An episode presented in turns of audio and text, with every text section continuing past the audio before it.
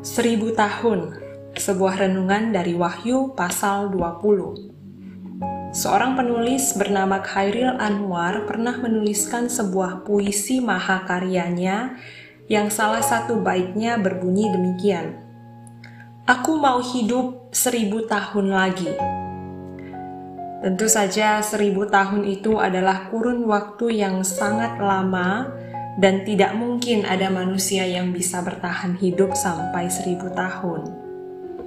Dalam pasal ini, Yohanes menuliskan penglihatan tentang naga atau setan yang diikat selama seribu tahun lamanya, kemudian dilemparkan ke dalam jurang maut.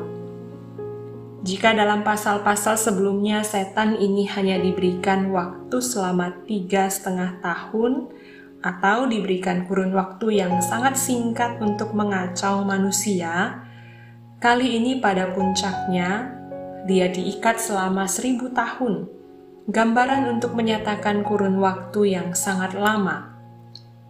Ketika iblis dilepaskan dari penjaranya, dia pergi lagi untuk menyesatkan bangsa-bangsa pada keempat penjuru bumi.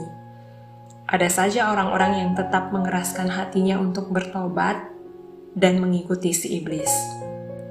Namun pada akhirnya, pada penghakiman puncak dan terakhir, iblis itu dikalahkan ia dilemparkan ke dalam lautan api, dan setiap orang yang tidak ditemukan namanya tertulis dalam kitab kehidupan juga dilemparkan ke dalam lautan api itu.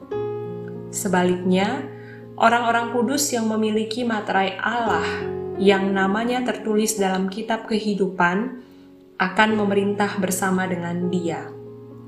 Saat itulah puncak mereka menikmati janji Allah yang diberikan kepada mereka.